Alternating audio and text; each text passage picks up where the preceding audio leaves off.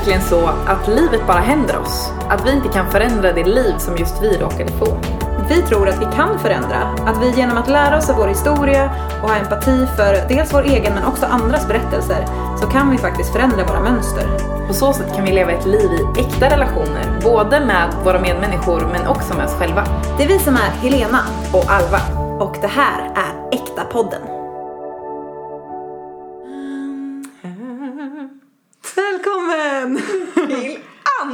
Avsnittet! Av The True Pod. The TruePod, vårt internationella namn för sen Exakt. när vi slår internationellt. Exakt.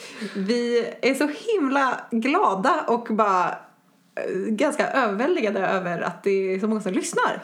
Ja, det känns helt sjukt. Det är liksom inte bara lyssnare i Sverige. Det Utan var det jag skulle komma till. Det är också så här bara, varför är det så många i Österrike som lyssnar? Vilka är ni österrikiska lyssnare? Snälla hör av er till oss Vi och älskar, eh, vi älskar att ni finns och vi undrar, är ni liksom, är ni, förstår ni svenska eller inte?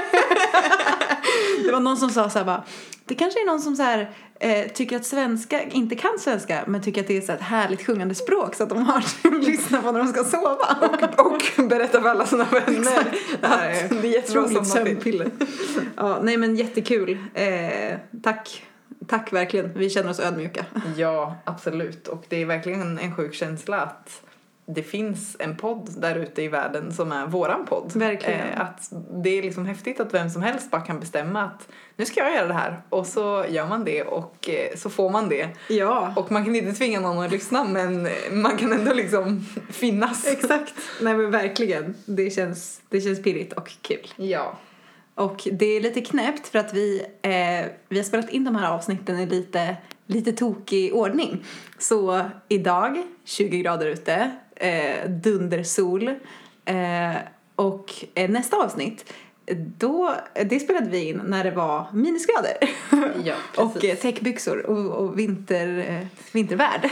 Det var ju en sån sjuk vinter och nu Ja. så går vi in i förhoppningsvis en sjuk sommar. Ja, alltså längtar efter denna dröm. Ja, jag också. Jag tänkte på det idag när jag var på väg hit att det finns ingenting som säger svensk sommar så mycket som att alla springer runt och äter sån här Magnum GB-glassar. Springer runt på språng! Ja men alltså, all, överallt man går så ser man så här ensamma personer som går och äter glass. Ja, men jag är en av dem. Ja men det är jättehärligt. Jag har typ blivit det lite mer tror jag i år än vad jag kanske har varit tidigare. Det är ju, jag fattar ju grejen att det är så varmt och härligt, man har feeling. Men det känns som att det blir ju ganska unikt för ett land där det är så kallt större delen av året. Vi embracear verkligen när sommaren kliver på. Bara, nu blir jag en glassperson. ja, verkligen. Men det, det är härligt alltså. Det känns som att vi behövde det. Ja, Sverige behövde det här. Ja. Det har varit en iskall vår. ja, verkligen. Det är alltid glädje. Jag börjar gå in på mina sista D-vitaminpiller nu på kartan. nu känner jag att jag kommer inte köpa ett nytt paket. Jag får en natural. ja, vad härligt. Men eh, vi släppte ju vårt första avsnitt förra veckan. Nej, förra, förra veckan. För, förra veckan. Ja, to be fair. Eh, vad handlade det om? Vi ska, en liten recap. Ehm, ja, men det handlade om självkännedom. Ehm, alltså att, ehm, att känna sig själv. Ehm, Man hör lite det på ordet. Ja, men det är det själv, känn. Självkänn.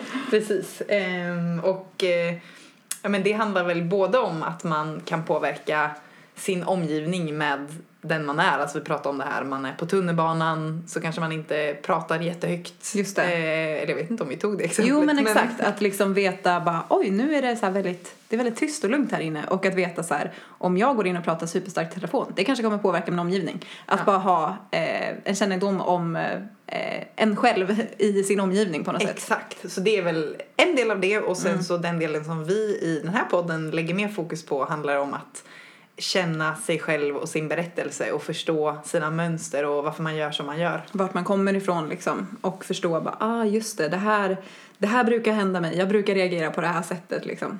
Precis. Eh, och vi har tänkt, eh, vi har tänkt prata om två diken det här avsnittet. Eh, för att, men som vi sa, när man börjar titta liksom, på sitt liv och vart man kommer ifrån så ser man oftast eh, ja, men mönster att så här, men det här är återkommande grejer som eh, som brukar ske i mitt liv eller saker som händer ofta i relationer och sådär. Eh, och det finns två, två tydliga mönster som vi har sett. Man kan säga att det är som glasögon som man har på sig som man ser, liksom det är som ett filter som man ser världen igenom. Eh, vill du shoot med första eh, diket? Ja, men det första som, ja, det första diket eller den första, de första glasögonen är då glasögonen av självtillräcklighet. Som vi pratade om lite förra veckan. För jag pratade om eh, att det är något som jag ofta faller in i. Ja, precis. Och det är ja, men också någonting som kanske hörs på namnet lite grann att man är tillräcklig själv. Alltså att allt hänger på mig, jag behöver ingen hjälp. Ehm, jag... Men mycket så här lösningsfokuserat. Precis. Att, att liksom, eh, ja men att ansvaret ligger på mig och då är det också, då gäller det för mig att lösa eh, vilka problemen som kan komma upp eller liksom lösa mitt liv, ta hand om mitt liv väldigt mycket själv liksom. Verkligen. Och också att man kanske har en känsla av att det är bara jag som kan lösa det här. Just det. Man vågar inte släppa kontrollen eller vill inte släppa till någon annan utan man känner att nej, men det är upp till mig att se till att saker händer och om någonting ska bli gjort så är det Mm. jag som ska själv. göra det. Då får man göra det själv. Mm, exakt. Och på ett sätt så här, det här kanske låter som, ja men det är väl bra att så här, vara stark och liksom klara sig liksom Driven. driven initiativtagande. Eh, för det känns som att det är ganska, alltså det här är ganska glorifierat i liksom ett så produktivt samhälle. Ja. Ehm, Det, det är nog lätt att leva i självtillräcklighet eh, och inte kanske se det som ett problem för att det är så upphöjt. Mm. Ja. Mm. Och att det är här stark, driven person som tar sig framåt i livet och inte behöver hjälp av någon annan. ja, exakt, som inte är en börda för någon typ. Mm, precis. Men varför, varför är det ett problem då? Eller varför tycker vi inte att det här är liksom optimalt? Alltså dels för att det inte är så hållbart i längden att Nej. göra allting själv. Det känns som att det är roten till mycket utbrändhet. Absolut och, och att man, ja, att det, man, man kör slut på sig själv genom Mm. att eh, inte ta in andra liksom. Verkligen. Ehm, och sen så tänker jag att det också kan leda till ganska mycket bitterhet. Alltså att man, man gör allting själv Ja. fast det egentligen inte är från liksom en plats av glädje och, Mm. och överflöd utan snarare en så här, ja men jag får väl göra det här nu då. Jag För får väl fixa det. Det är väl ingen som tänker stötta mig här. Precis, Så det är minsann minsann ingen annan som Mm. gör det så att det är väl lika bra att jag gör det så att det blir liksom någon slags ond spiral som Mm. inte är så härlig att leva i. Nej, och att man kan nog känna sig lite så här till slut fientligt inställd mot människor för att Mm. det känns som bara, ja, och såklart ingen som hjälper till. Fastän det är egentligen så här att man själv har redan eh, föregått alla så det är ingen som har hunnit hjälpa till. Nej precis, man har inte öppnat upp för det. Nej. Och det eh, leder ju också till att man håller människor ganska mycket på avstånd. Mm. Alltså att man, man inte släpper in. För det är ju någonting som skapar väldigt mycket närhet till andra människor när man visar sig svag. Ja, Och, verkligen. Ja, men det blir lite som en liksom en fasad eller en liksom ganska hård, eh, ja, men en hård yta på något sätt. Och en annan, ett annat liksom problem med självtillräcklighet är ju också att man kanske inte har riktigt eh, ro eller liksom man vågar inte riktigt stanna upp och känna vad man faktiskt känner. Utan man kör på väldigt mycket och det är mycket det här att liksom, nej men det är ingen idé att vältra sig liksom. Det är, eh, jag menar att det är mycket framåt-tänk. Eh, så att det kanske är massa saker som liksom pockar på på insidan. Bara, hallå, så här, jag känner mig faktiskt trött eller jag känner mig ledsen över det här som hände. Men att det, man släpper liksom inte fram det. man har inte riktigt råd med det. Nej, tänker jag. precis. Det, liksom, det finns inte utrymme för det Nej. i en livsstil där man måste köra i 120 Nej, framåt verkligen. och ha koll på allting. Verkligen. Men vad, vad är det andra diket då? Om det första diket är självtillräcklighet? Eh, jo, men då är det något som vi kallar för offermentalitet. Eh, där det handlar om, det är helt motsatsen. Eh, där det är liksom, allt är bortom min kontroll. Alltså jag har inte makt över någonting i princip. Eh, och ja, men att det är väldigt mycket i livet som är orättvist. Utgångspunkten är att så här, det är orättvist. Ehm, och också lite det här att, att man kanske förutsätter att folk inte vill en väl. Eh, att man liksom eh, är van vid att eh, peka ut problemen i situationer eller i relationer. Eh, en en liksom, eh, tanke om att äh, det kommer inte gå bra. Liksom, det, blir alltid, det blir alltid så här. Det, ja, som jag visste så blev det. Det gick. Precis, man, man har redan innan bestämt att förmodligen kommer det bli dåligt. Mm, Och så ser man bara det för att, igen med de här glasögonen, att Exakt. det är de som man ser saker genom så att man har redan man har redan som en förinställning vad man kommer få för resultat. Ja, exakt. Eh, vi la upp en liten kul video på Insta. Jag borde satsa på skådespelarkarriär istället. Vi spelade in eh, en liten film på eh, karaktären Offer-Alva.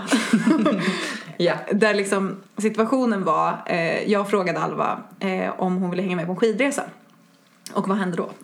Eh, nej men jag kom ju då bara med massa motargument och anledningar till att eh, det var liksom taskigt av dig och ens, och ens understå dig att fråga om jag kunde Vem gör så? åka på den här resan för att jag en gång hade brutit fingret när jag åkte lift och jag var rädd för att åka skidor och jag eh, blir ofta förkyld och jag har inga pengar för jag håller på att spara pengar och ni kunde ju inte förstå det, ni som aldrig har några problem.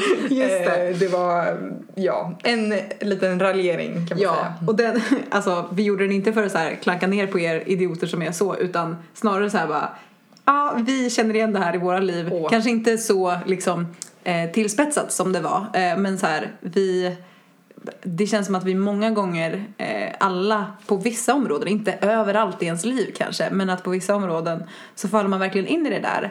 Ehm, Och, och det är ju liksom, det är ju grundat i någon slags tro att man har väldigt lite makt över sitt liv och över Mm. Ja. sina omständigheter och sina, sin situation. ja, Att man liksom, men det finns inte så mycket som jag kan göra för att styra livet i en viss riktning. Nej. Mm. Utan det bara händer och så här är det och det eh, kan ju kännas ganska hopplöst Ja, och verkligen. tungt. Och, men verkligen för att det blir ju på något sätt om självtillräcklighet säger liksom det är ingen idé att vältra sig så säger offermentaliteten att men det är ingen idé att resa sig för att jag vet att det kommer göra ont och jag vet att det kommer gå dåligt. Eh, och det, alltså verkligen, det gör ju så himla ont så att jag Ja. fattar att det känns, alltså att det känns tryggare att, att vara kvar där liksom. Verkligen. Ehm, och ett, ett till exempel ehm, på hur offermentalitet kan yttra sig är att man ofta drar ganska stora slutsatser av eh, relativt, eller det som på utsidan kan se ut som ganska små eh, situationer. Just det. Har du, har du något exempel på? Ja men eh, typ man ser på stories att, eh, att några eh, hänger, alltså några kompisar till den Ja. och så är man själv eh, inte med. Och det skulle ju å ena sidan, alltså om man tänker, eh, man skulle kunna tänka bara, ja ah, okej så här, de, eh, ja det, Det blev en tillfällighet som Ja. gjorde att de Exakt. satt och käkade pizza. det var ingen, det hade inget med mig att göra liksom. Nej. Eller så går man till liksom, ja, ja som vanligt, alla hänger utan mig. Eh, Och eh, jag eh, blir alltid frågad sist, eller jag blir inte frågad alls. Eh, Just det. och att eh, Alla hänger alltid utan mig. Ja, ja men det, de här stora liksom aldrig, alltid, eh, det blir alltid så här liksom. Ja. Eh, det känns som en ganska, ett starkt kännetecken för. Det är lite som att, eh, ja, men lite återigen det här med glasögonen, att situationer bekräftar hela tiden det Ja. som man från början redan tror. Exakt, exakt. Men, men vad, vad är grunden till det här då? Alltså föds vi bara med, med de här? Vi Antingen- föds som en liten offerbebis, eller självtillräcklighetsbebis. en liten, en liten självtillräcklig bebis som bara... Nej det är lugnt, alltså jag kan, jag kan amma själv. Alltså du, du behöver inte hjälpa till Men något. alltså jag, jag byter min egen blöja. Du kan bara gå och ta det lugnt. Jag behöver inte hjälp. Jag behöver ingen hjälp. Eh, nej, det, vi tror inte att man föds med de här grejerna. Eh, nej. Utan vi tror att liksom varför man till slut känner att man behöver ta på sig de här glasögonen, att det grunden ligger i saker vi har upplevt och ofta tidigt liksom i vår barndom.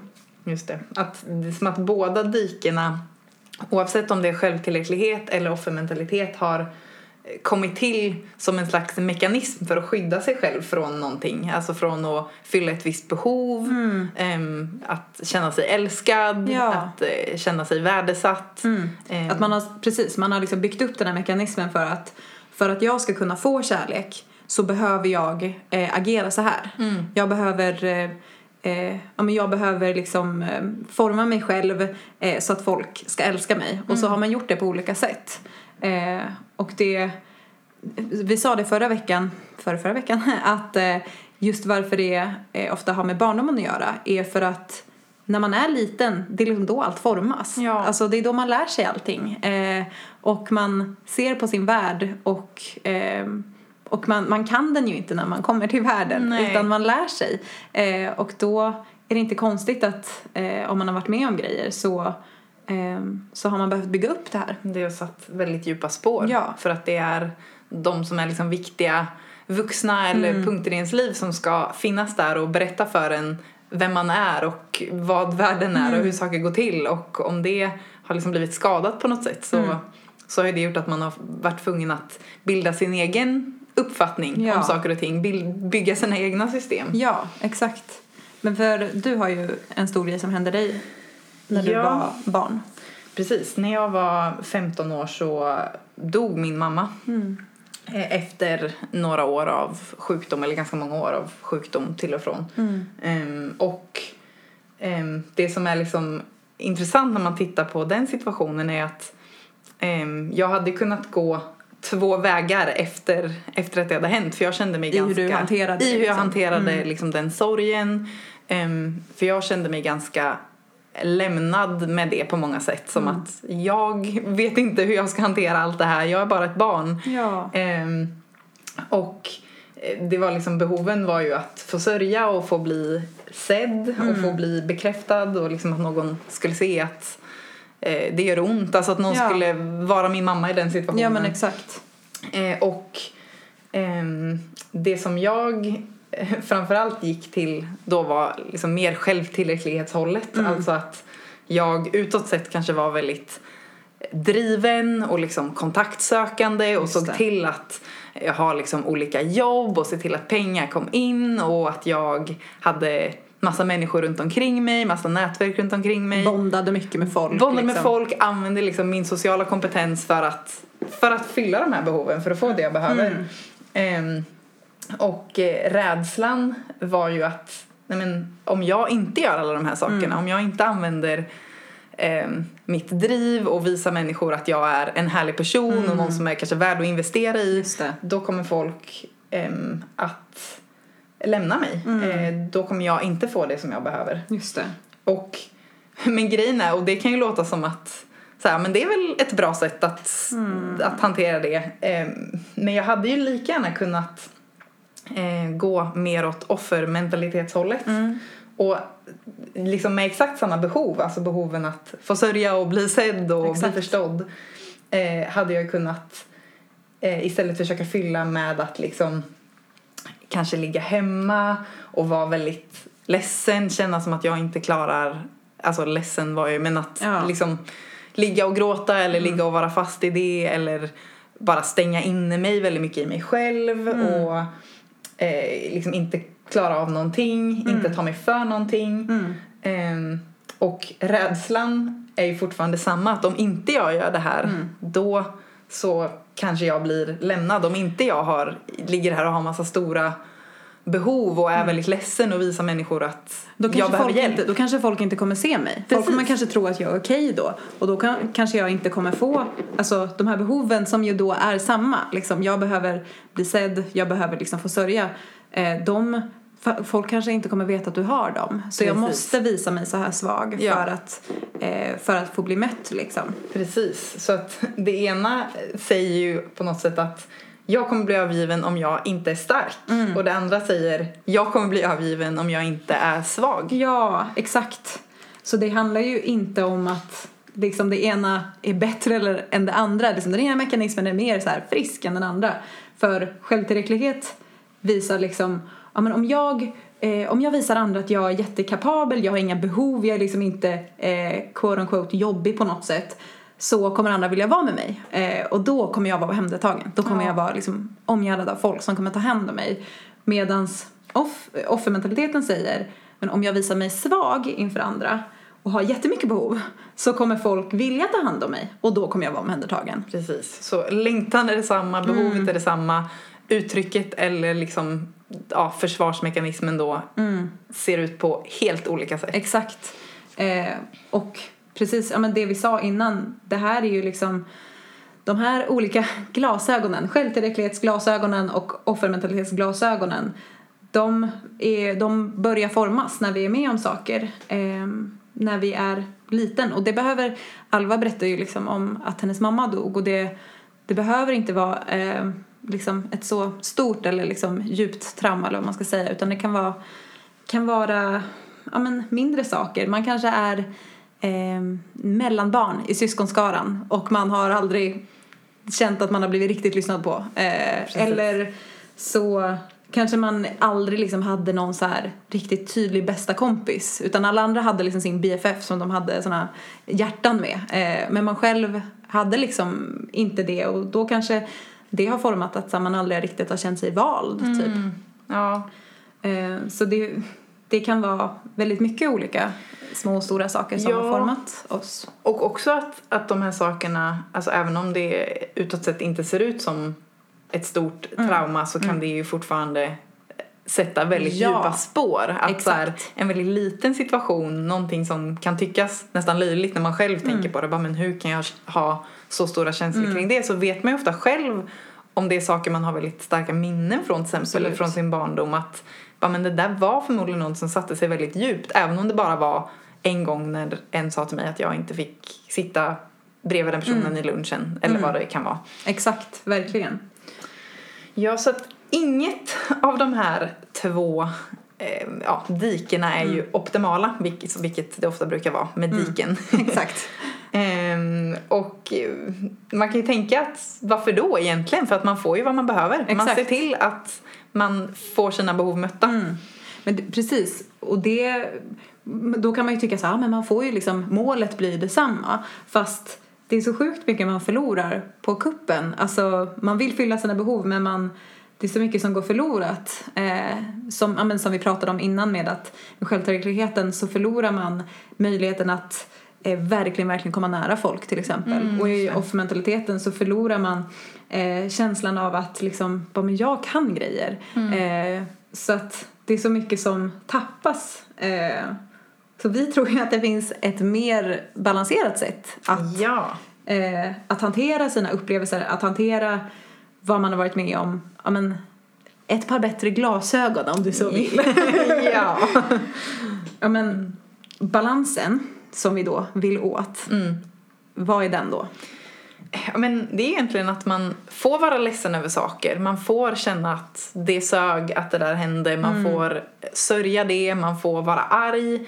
Ehm, men man får också våga tro på sig själv och på sin kapacitet och på det man kan göra och liksom de steg man själv kan ta. Just det. Och det är ju det som är, alltså det finns ju, det här kanske låter konstigt men det finns ju något bra i varje dike. Ja, och, och det känns ju också som att på ett sätt klassiskt med Ja. diken att man har tagit någonting bra och typ hållit fast vid det och bara sprungit verkligen. tills man ramlat i ett dike. Och bara, jag ligger här och bara håller fast den här bra saken. Just det, man har typ, man har typ tagit den ur sin kontext lite. Alltså Ja. det har blivit som, eh, något som egentligen är bra har liksom blivit förvridet, liksom lite så här distorted liksom. Ja. Det var inte vad det skulle varit från början liksom. Verkligen. Så det som liksom är hälsosamt i självtillräcklighetsdiket, om vi ska ta upp det på vägen igen. Ja, plocka ut plocka kärnan. ut kärnan är ju att se vilka steg jag faktiskt kan ta för att komma framåt i livet Ja. och också se vad som är mitt ansvar utan, utan att eh, hela ansvaret ska bli mitt. För det är ju det som är liksom självtillräcklighetsgrejen. Att så här, ja, jag får ta allting på mina axlar.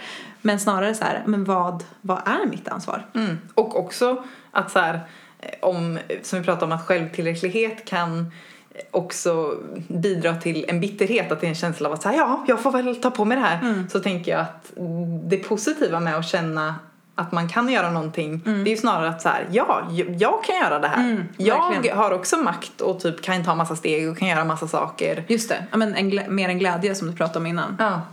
Och vad är det hälsosamma i offermentaliteten då? Eh, Ja men det är ju just att faktiskt kunna känna jobbiga känslor, att stanna kvar i eh, att inte liksom springa förbi känslan, att våga stanna upp och, och titta på det som har varit jobbigt i livet. Eh, och att i det också kunna ta emot empati både från andra men också från sig själv. Ja, just det. Och det leder oss vidare till vår nästa punkt. Ding, ding, ding. Nämligen medlidande och empati. För att Compassion. compassion. Det är mycket finare ord. Ja, det är verkligen det. Vi får ta två ord här, medlidande och empati. Ja. Men det här tror vi verkligen är en sån himla nyckel. Ja, Alltså, game changer. Verkligen. Eh, ja, men då de här tidiga liksom, upplevelserna från barndomen eh, har jag, eller när jag eh, gick på gymnasiet så gick jag till psykolog och han brukade fråga mig ibland så här när vi pratade om de här då upplevelserna från barndomen eh, så brukade han fråga ibland eh, men Helena vad, vad känner du när du när du tänker på den lilla Helena, alltså Helena åtta år typ. Och jag hade så svårt att känna, att känna varma känslor gentemot henne. Alltså det var verkligen, alltså jag var så hård i så här, eh, ja men hon borde ha fattat bättre, hon borde ha hanterat den här situationen bättre, hon, det var hennes fel. Det var hennes fel att hon inte hade så mycket kompisar och alltså extremt hårt. Och Ja, så hemskt. Så hemskt när man hör det så här så kan man ju verkligen förstå det. Att det låter helt sjukt att säga till ett Ja, barn. man skulle inte säga det till ett barn. Nej. Men det som vi gör eh, när vi tänker på vårt eget lilla barn är att vi tänker, vi sätter in den i en vuxen kontext. Ja. Vi tänker att den, det barnet visste allting som jag vet nu. Eh, den hade ett vuxet eh, liksom, sätt att tänka men ändå så gjorde den allt det där. Liksom. Ja, och det är ju det är ju inte logiskt. Det är inte som att man Nej. tänker så i sin logik. Men det är det som blir konsekvensen Ja. när, man, när man säger så till sig själv. Verkligen.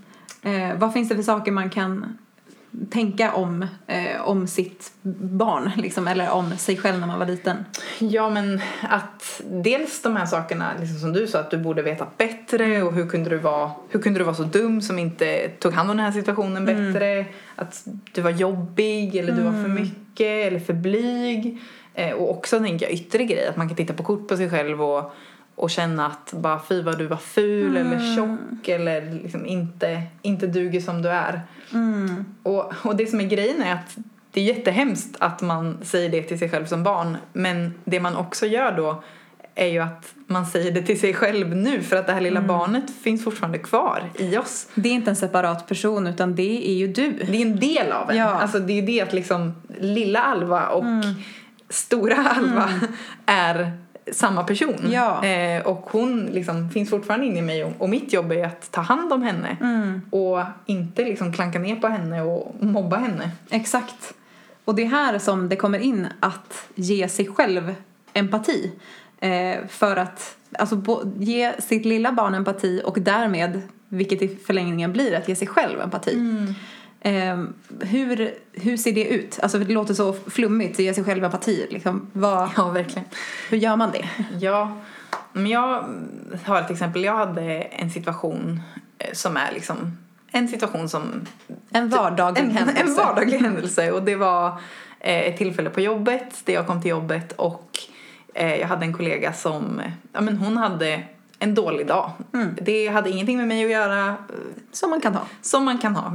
Rimligt liksom, mänskligt. Eh, men hon, och hon lät väl det till viss del liksom gå ut över mig, gå ut över dem runt omkring sig. Ehm, och jag direkt då började liksom tänka, febrilt söka i mina tankar efter Vad har jag gjort? Precis, vad har jag gjort liksom? Hur, på något sätt så måste det här vara mitt fel. På något sätt så är hon förmodligen arg på mig. Eh, och eh, ja, men man försöker leta efter det inom sig liksom. Och det blir en väldigt stor känsla, en väldigt stark känsla av att eh, jag menar av att det känns jobbigt liksom. Men också alltså, eh, koppla tillbaka till det du berättade om, om din mamma och när du var, eh, var tonåring. Liksom, att eh, då såg du det som ditt jobb att göra din omgivning nöjd. Att du inte skulle vara till besvär. Precis. Så det är inte konstigt att du kände den här känslan liksom, när det är något som påminner om det. För då är det som att okej, du är inte nöjd och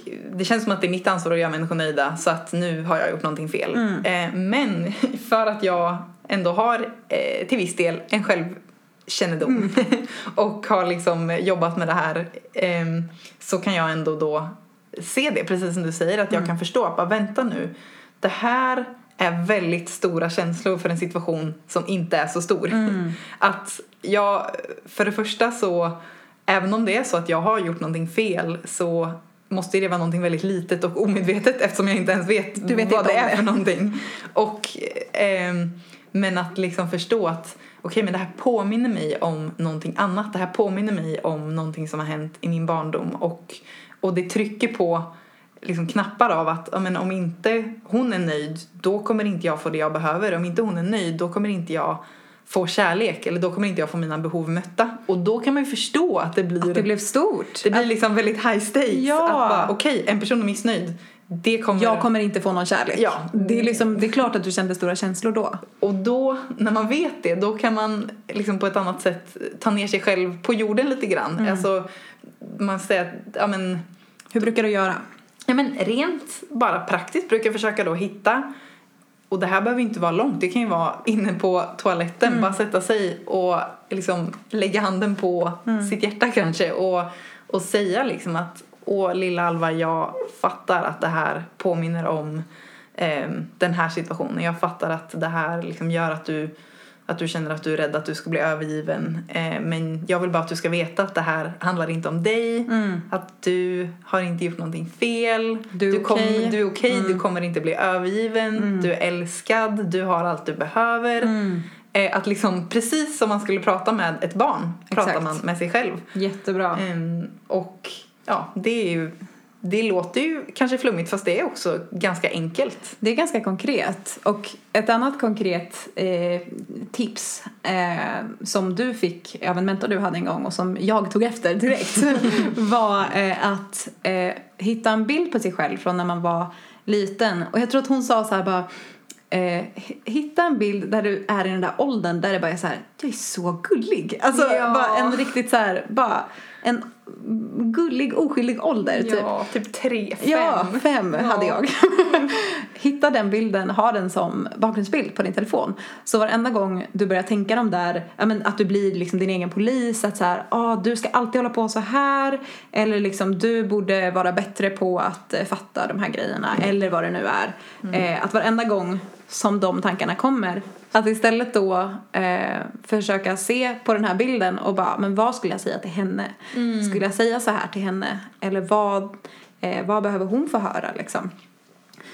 Eh, det känns som ett, eh, också ett konkret tips. Det är jättebra. Mm. Det är konkret och det är liksom ett, någonstans att börja. Ja, för exakt. det är ganska lätt. Jag tror att de flesta i vuxen ålder ändå så här, eh, men om man tittar på en sån bild på sig själv i sitt mest Mm. oskyldiga, gulliga lilla stadie. Så här, bara, hur, kan jag, hur skulle jag kunna vara arg på den här personen? Hur skulle jag kunna säga de här sakerna till den här personen? Exakt. Och det här kan också, eh, alltså nu pratar vi om att ge empati till sig själv.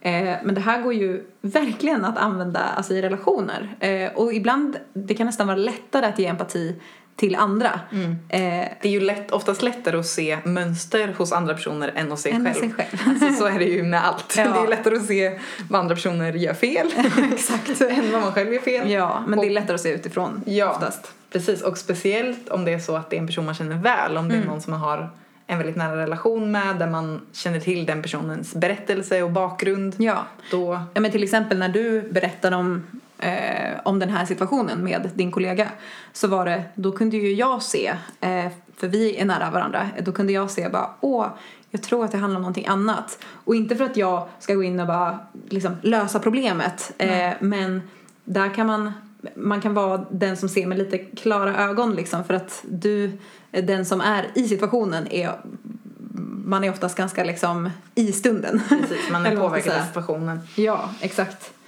Eh, men jag har oftast ganska lätt att gå till att alltså, vilja lösa problemet.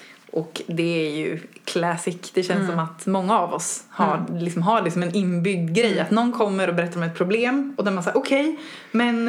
Eh, har du ja, testat det här? Du kanske skulle liksom höra av dig till den här personen Mm. och alltså att man nästan, man nästan går in i den här stressade oroskänslan med den istället för Mm. Just att det. stå liksom eh, på något sätt ta ett steg tillbaka och vara Ja. den sunda, nyktra personen som står bredvid så dyker man in i... Ja, i det här verkligen lite febriga liksom. Verkligen. Men istället så, eller något som vi övar oss på hela tiden eh, är att liksom istället försöka svara på känslan. eh, precis. och det kan också låta luddigt men till exempel så eh, Eh, det, det kanske inte, man kanske inte alltid vet ursprunget. Man kanske inte vet så här, ja men det var för att eh, du eh, inte hade några kompisar när du var liten så nu så känner du så här. Alltså, Och det är inte heller det vi säger att man måste göra. Det kan ju också bli konstigt Ja. om man ska gå in och bara Det här påminner mig om 1995. Exakt. Matsalsincidenten. Nej men exakt och det kan ju vara så att alltså, personen i fråga kanske inte ens själv vet om Nej. alltså vad det finns för ursprung. Exakt, men man kan ju fortfarande höra vad det är för känsla som personen uttrycker utan att man kanske säger den känslan när man berättar berättelsen. Just det. Så det kan till exempel låta bara åh Alva jag hörde, eller när du berättar om det här som du var med om så hör jag att du eh, kände dig väldigt eh, stressad över att inte vara nog.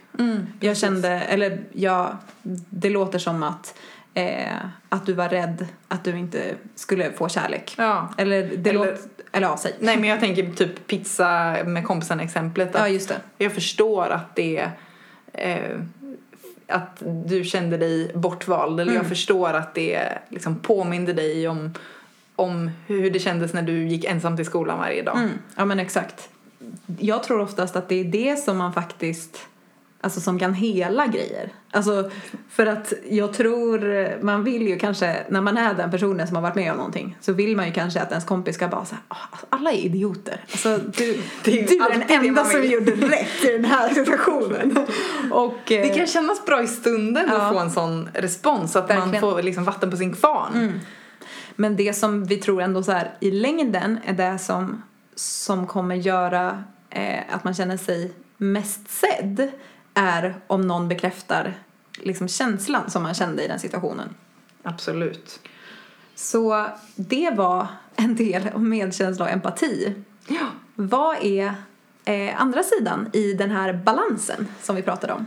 Ja, men om man tänker då att det finns en, hälsosam del i varje dike så, så tänker vi att den hälsosamma kärnan i Självtillräcklighet. självtillräcklighet ja, är eh, att äga sin del, alltså ägandeskap. Ägandeskap. Ja. Ownership. Precis, ägandeskap är verkligen inte ett ord Det känns lite stolpigt, men vi reclaimar det här ordet nu. Det är ett ord, Ägandeskap. det finns och nu har ni det i ert vokabulär. Exakt. Ehm, ja, att, att äga sin del helt enkelt. Om man tittar då på till exempel den här eh, videon då som vi la upp med Offer-Alva. det som hände där var ju att Alva hittade alla fel med liksom det här förslaget att åka på den här resan. Eh, hur, om, det, om vi hade ändrat liksom, eller skiftat så att Alva liksom tog, eh, tog ägandeskap över den här situationen, vad hade hon kunnat göra då?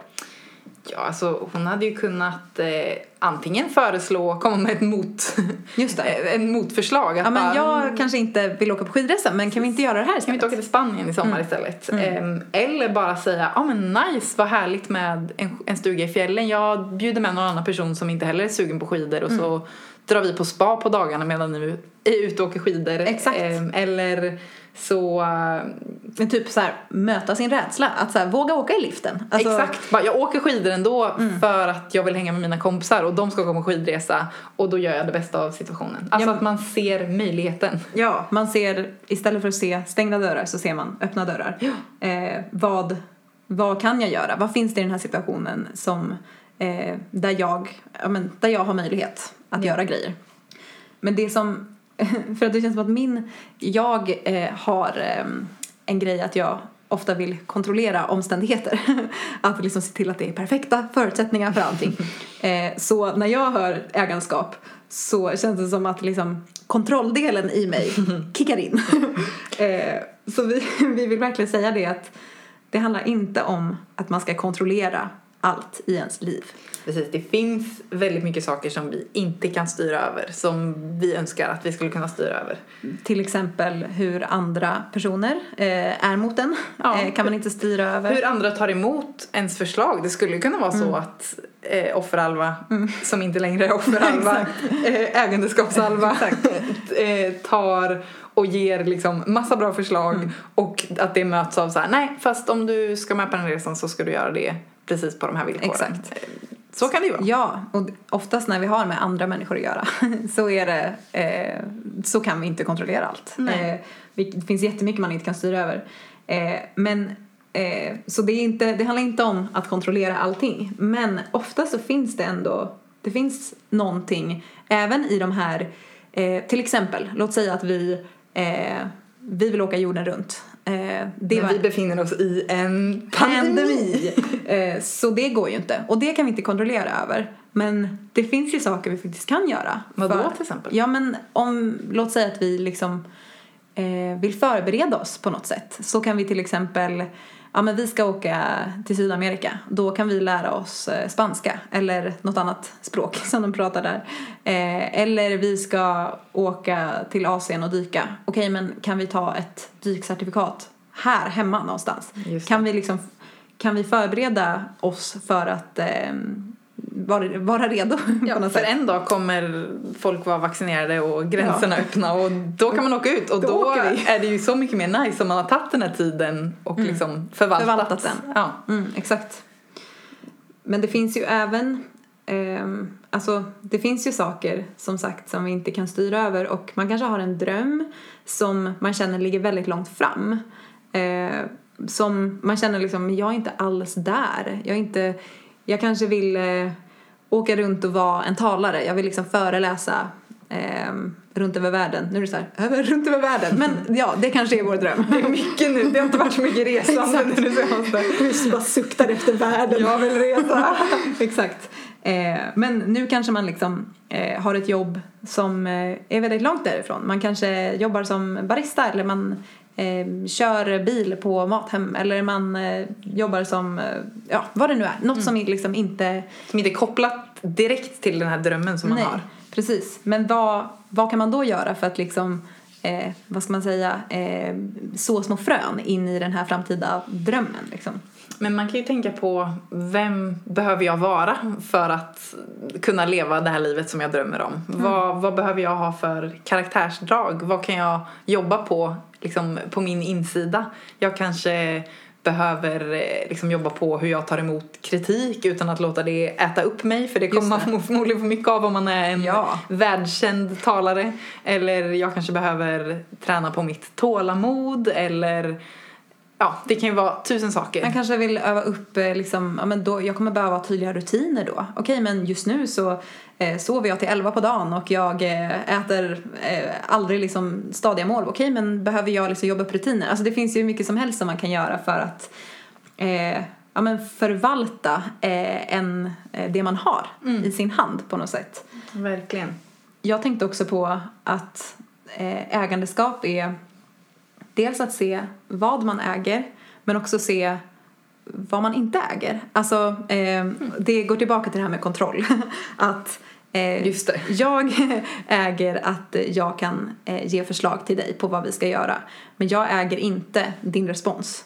Eh, det, det är bra. Ja, så det, och det går tillbaka till att jag kan ju inte förvalta det som är ditt. Jag kan inte förvalta det som är i din eh, trädgård, eller vad man ska säga, Nej. om vi har varsin trädgård.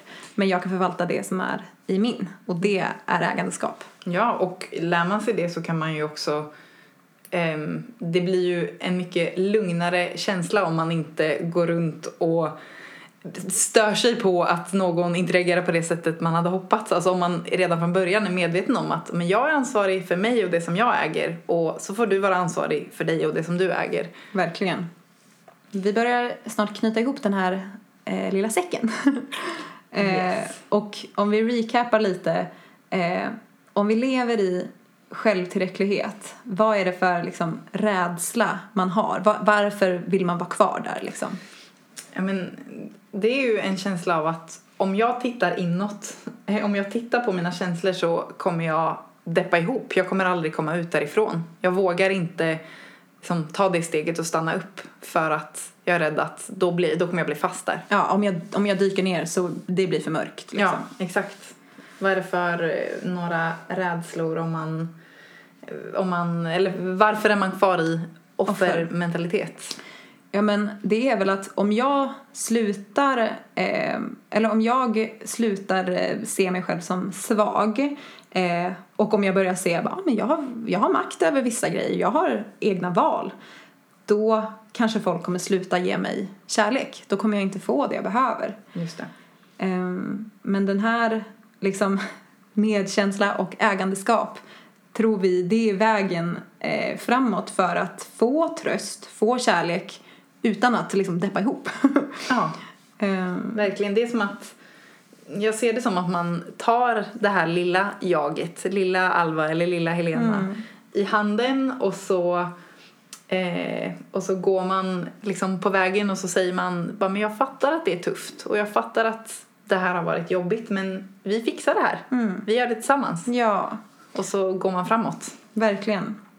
Och vi vill också verkligen säga eh, att om ni känner igen er i självtillräcklighet eller i offermentalitet Alltså det sista vi vill är att ni ska känna att vi dömer er eller liksom bara, ah, vad ni är eh, dåliga som är fast i det här. För att vi säger bara, vi räcker upp en hand och säger vi har också, vi är också där. Ja. Eh, vi kämpar med det här varje dag. Nästan alla människor Ja. gör det på något. Nu har vi pratat om extremer också men Ja.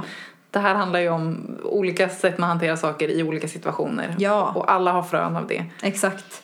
Och det, det är ju, som vi sa innan, det är ju mekanismer som vi byggde upp när vi var små för att vi kände att vi behövde skydda någonting. Och det är rimligt att vi vill skydda det som är på insidan, det som är värdefullt för oss. Det är rimligt att vi kände, om vi kände oss hotade, att vi behövde bygga upp det här. Verkligen. Du gjorde bara ditt bästa när du var liten för att få det som du behövde på det sättet som du visste hur. Ja, det, du, du gjorde det du, det du kunde. Ehm, Men du kanske var ett offer i barndomen. Alltså det kanske var så att det verkligen var ehm, någonting... någonting som skedde dig som inte var okej. Mm.